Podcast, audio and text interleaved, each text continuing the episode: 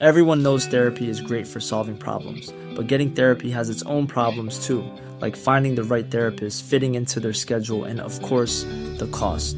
Well, BetterHelp can solve those problems. It's totally online and built around your schedule. It's surprisingly affordable too.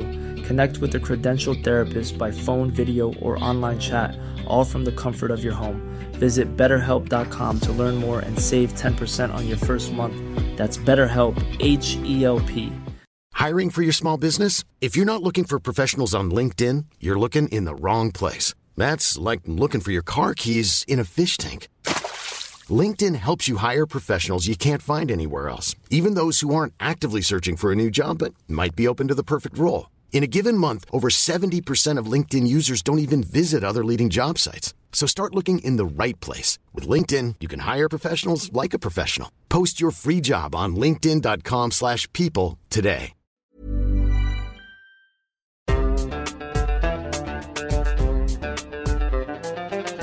بودكاست صوت.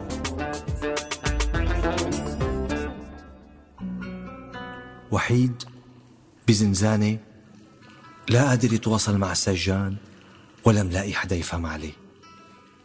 عمر بن سعيد الرجل الأفريقي المستعبد يلي قرب عمره على الأربعين بيلاقي حاله مرة تانية بسجن جوا سجن بزمان ومكان ما بيقدر يقرر فيهم مصيره بنفسه.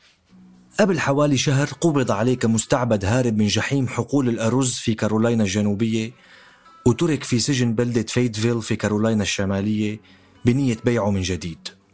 حريته مكبلة وعم يحاول بأي طريقة يستجدي لإطلاق سراحه.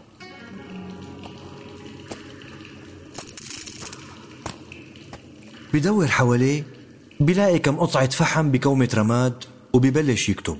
بيكتب عبارات باللغة العربية على جدران الزنزانة يمكن آيات قرآنية حافظها يمكن مطالبات بيتوسل من خلالها سجانين ليرحموه أو بيحاول يحكي لهم عن قصته وأصله وفصله. بضل عمر يكتب ليمل الحيطان. بيلتفت المسؤولين عن السجن لكتاباته بيتعجبوا من هاللغة الجديدة وكلماتها الأنيقة المكتوبة من اليمين للشمال. بعد شوي توصل الأخبار لأهالي البلدة إنه يا جماعة في مستعبد أسود بيعرف يكتب وملي حيطان الزنزانة كتابات بلغة جديدة. وخلال أيام بيصير عمر بن سعيد وكتاباته فرجة لأهالي البلدة.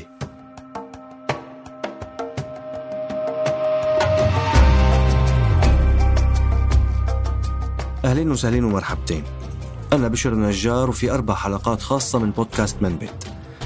رح نحكي قصة عمر بن سعيد أو العمورو الأفريقي المسلم يلي قضى 56 سنة من عمره بالعبودية.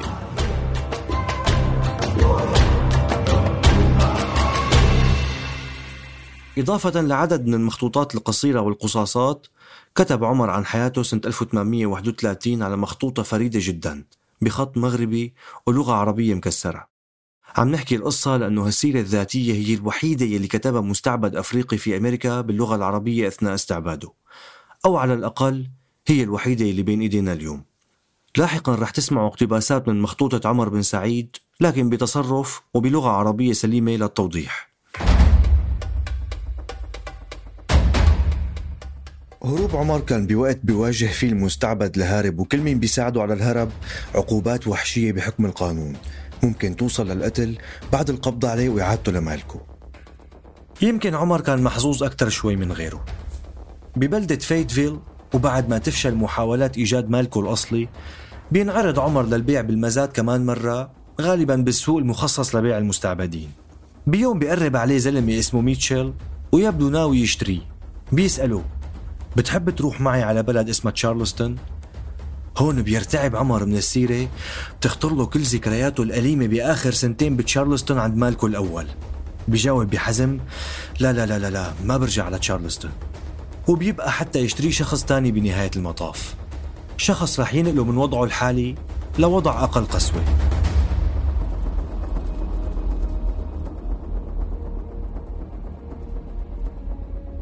في يوم جمعة جاء رجل وفتح باب البيت الكبير. باب السجن. ورأيت رجالا كثيرين. كلهم من النصارى. نادوني أليس اسمك عمر أم سعيد؟ لكني لا أفهم لغة النصارى. رأيت رجلا اسمه بوب مينفورد يكلمني يسألني إن كنت أريد الخروج من السجن. وافقت بشدة على الذهاب معه إلى حيث يسكن. بقيت عند مينفورد أربعة ليال ونهارات. ثم جاء رجل اسمه جيم أوين وهو زوج ابنة مينفورد واسمها بيتسي مينفورد.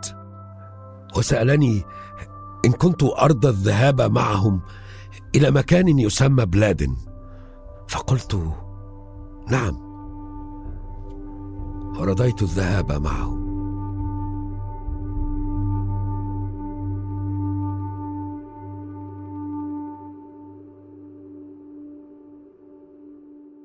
بعد أسبوعين من السجن لفتت قضية عمر نظر الجنرال جيمس أوين أو جيم مثل ما بيسميه عمر واللي بينتمي لأسرة مرموقة تسلم أفراد منها مناصب حكومية.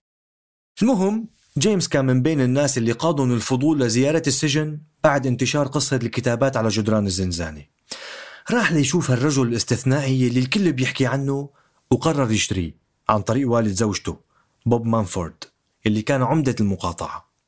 عمر وافق يروح مع جيمس وزوجته بيتسي على منزلهم الريفي في مقاطعة بلادن القريبة بالتحديد في مزرعة ميلتون على ضفة نهر كيب فير.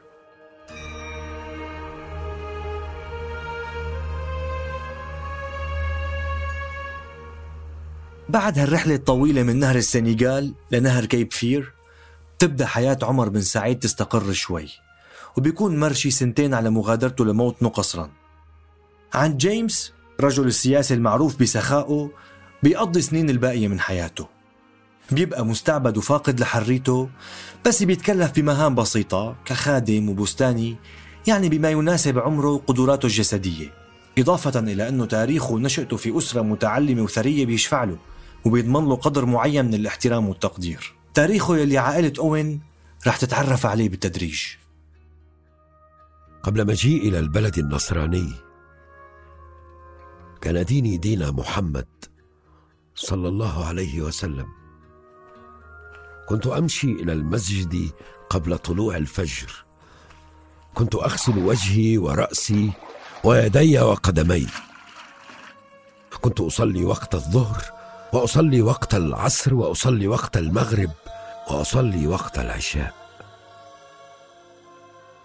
كنت أعطي الزكاة كل سنة عن الذهب والفضة والزرع والبقر والضأن والماعز والأرز والقمح والشعير.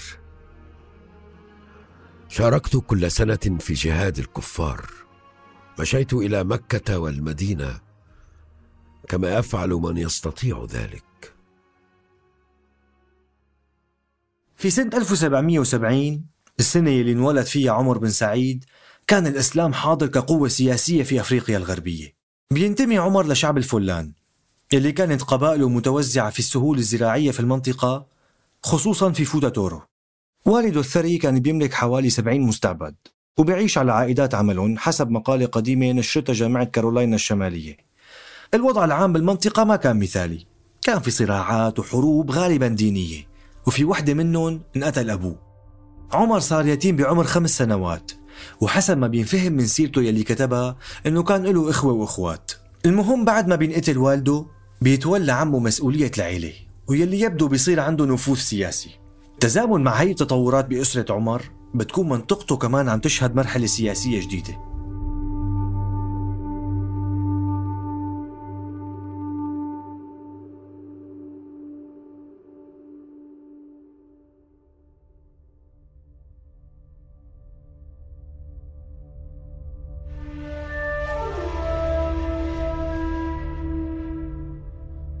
عقيدة الجهاد عم تاخد أهمية كبيرة بين المسلمين بهي المنطقة.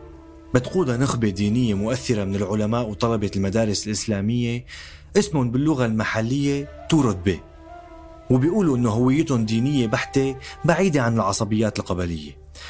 بيقودوا حملات دينية لقتال الحكام اللي ابتعدوا عن تطبيق الشريعة بمناطقهم بيحشدوا عسكريا لتحقيق طموحهم وإقامة المجتمع الإسلامي اللي بيحلموا فيه. وبناء عليه بيلاقوا الدعم المطلوب. قبائل الفلان بتكون من ضمن المؤيدين لعقيدة الجهاد. وبسنة 1776 يعني بعد حوالي ست سنين من ميلاد عمر بن سعيد تتأسس دولة إمامية إسلامية في فوتا تورو بيقودها عبد القادر كن العالم المسلم يلي حكينا عنه بالحلقة الأولى ويلي قضى عمره في طلب العلم والتعليم. الإمام عبد القادر وكثير من رفاقه انتشروا في أفريقيا الغربية وأسسوا مراكز ومدارس دينية. نفس المدارس اللي بيبدأ عمر يتلقى تعليمه فيها بسن مبكرة. بيتعلم اللغة العربية والقرآن والحديث وبيتلقى تعليم أساسي بالحساب متنقلا بين هالمدارس. قبل ما يصير هو معلم ويقضي سنوات تانية في تعليم الأطفال. بعد فترة بيقرر عمر التخلي عن مهنة التعليم وبيتوجه للتجارة. بيتاجر بشكل أساسي بالملح وملابس القطن وغيرها. وهذا بيتطلب منه سفر مستمر. وواحدة من هي السفرات كانت لمكة والمدينة لتأدية فريضة الحج. ورحلة طويلة مثل هي بهيك وقت تتطلب قدرة جسدية ومالية كبيرة لعبور أفريقيا من غربها لشرقها باتجاه الحجاز بشبه الجزيرة العربية. بهالوقت بيستمر الأئمة المحافظين على حكم الشرع بإرسال تحذيرات لبعض حكام الممالك المحيطة. فحواها بالغالب أنه إما بترجعوا لتحكيم الدين بأموركم وبتتوقفوا عن بيع الأحرار والمسلمين الأوروبيين أو بنعلن الجهاد ضدكم. تستمر الحملات العسكرية الجهادية وعمر بن سعيد اللي صار عمره بالعشرينات بيشارك ببعضها. إضافة لهي الحملات بيبعث الإمام عبد القادر رسالة للفرنسيين على الساحل الغربي بيحذرهم فيها من الاستمرار بشراء المسلمين المستعبدين. بيقول لهم بالحرف الواحد إنه ممنوع تشتروا مسلمين تحت أي ظرف. وإذا ناويين تستمروا بالموضوع فالأفضل تبقوا ببلادكم وما بقى تجوا لعنا. لأنه يلي بيجي يكون متأكد إنه رح يخسر حياته. يعني الإمام عبد القادر ما كان يحارب العبودية كمبدأ وإنما كان يرفض استعباد المسلمين بالتحديد. لأنه مثل ما سمعنا بالحلقة الأولى كان الإمام مستفيد من السفن الفرنسية اللي بتعبر نهر السنغال في مناطق نفوذ الدولة الإمامية وبتدفع لقاء استخدام النهر لنقل البضاعة أو حتى الأسرى من غير المسلمين في طريقهم للبيع والاستعباد. الأسرى اللي بتبدأ غربتهم القصرية من مدينة سان لويس الساحلية مقر التجار الأوروبيين مرورا بالمحيط الأطلسي وما بعده. الأسرى اللي بيلاقوا نفس المصير يلي كان عم يستنى عمر بن سعيد.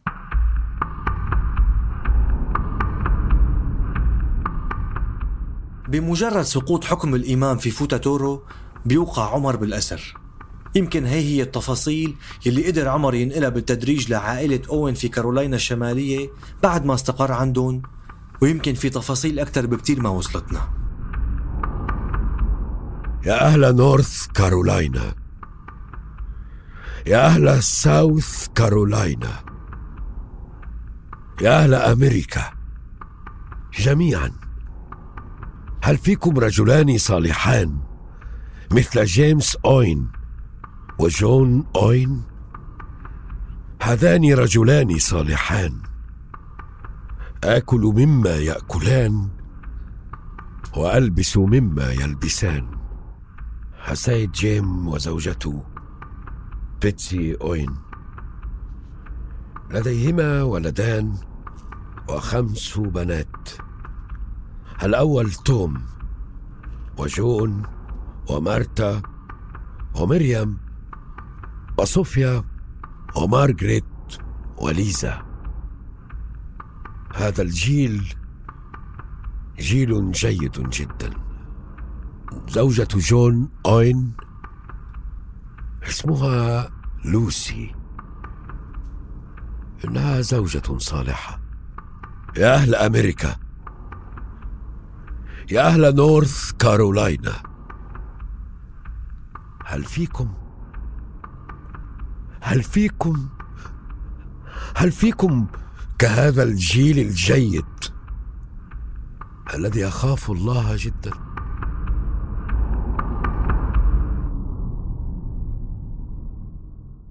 في كنف هالعيلة بيكمل عمر السنوات الجاية من حياته.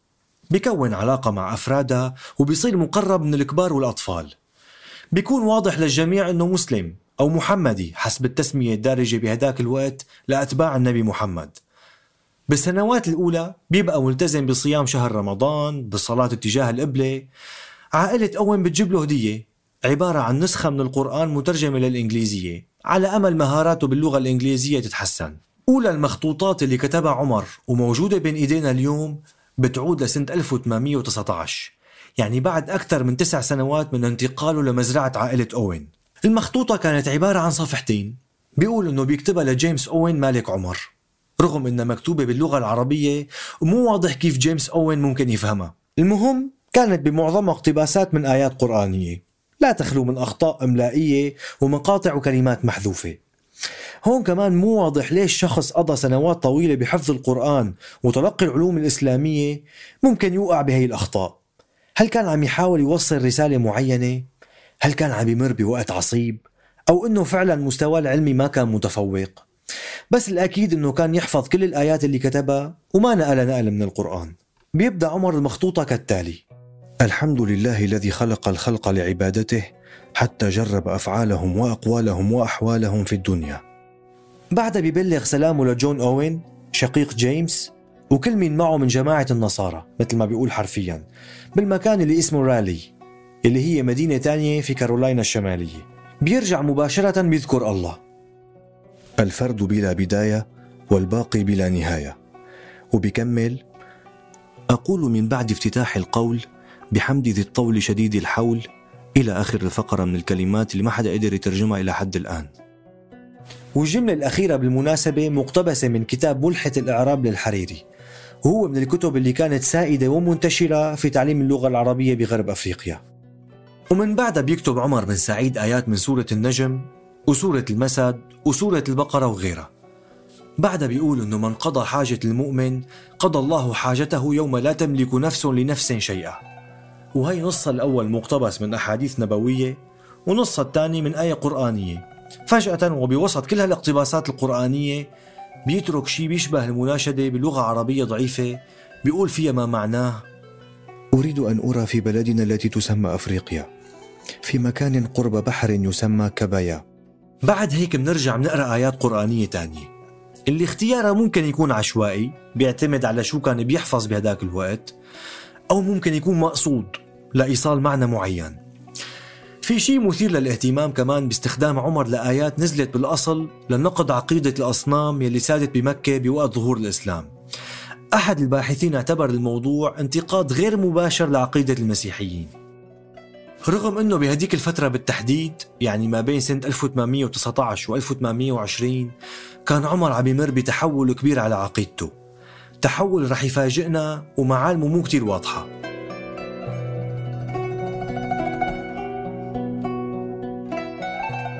الله ربنا خالقنا ومالكنا ومصلح أحوالنا حالا ومالا. فضل لا وجوبا. افتح قلبي إلى الإنجيل. إلى سبيل الهدى. الحمد لله رب العالمين. حمدا كثيرا يوافي من النعم ما تزايد من الخير. لأنه أعطى الشرع لموسى. الحق والنعمة كان بيسوع المسيح.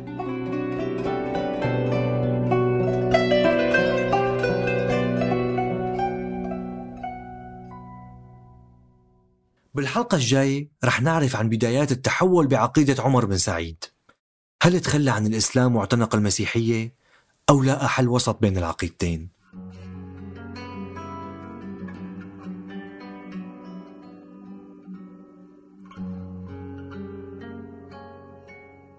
هذا بودكاست منبت بموسمه الخاص عن عمر بن سعيد.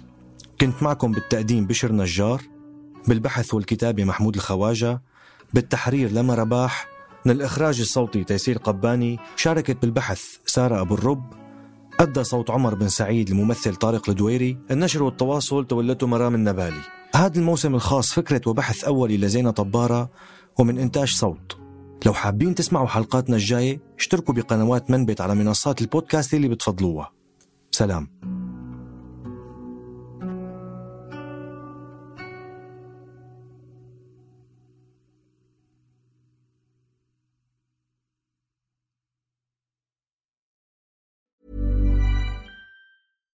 Mom deserves the best, and there's no better place to shop for Mother's Day than Whole Foods Market. They're your destination for unbeatable savings, from premium gifts to show-stopping flowers and irresistible desserts. Start by saving 33% with Prime on all body care and candles. Then get a 15-stem bunch of tulips for just $9.99 each with Prime. Round out Mom's menu with festive rosé, irresistible berry chantilly cake, and more special treats. Come celebrate Mother's Day at Whole Foods Market. Hey, it's Danny Pellegrino from Everything Iconic. Ready to upgrade your style game without blowing your budget? Check out Quince. They've got all the good stuff shirts and polos, activewear, and fine leather goods, all at 50 to 80% less than other high end brands.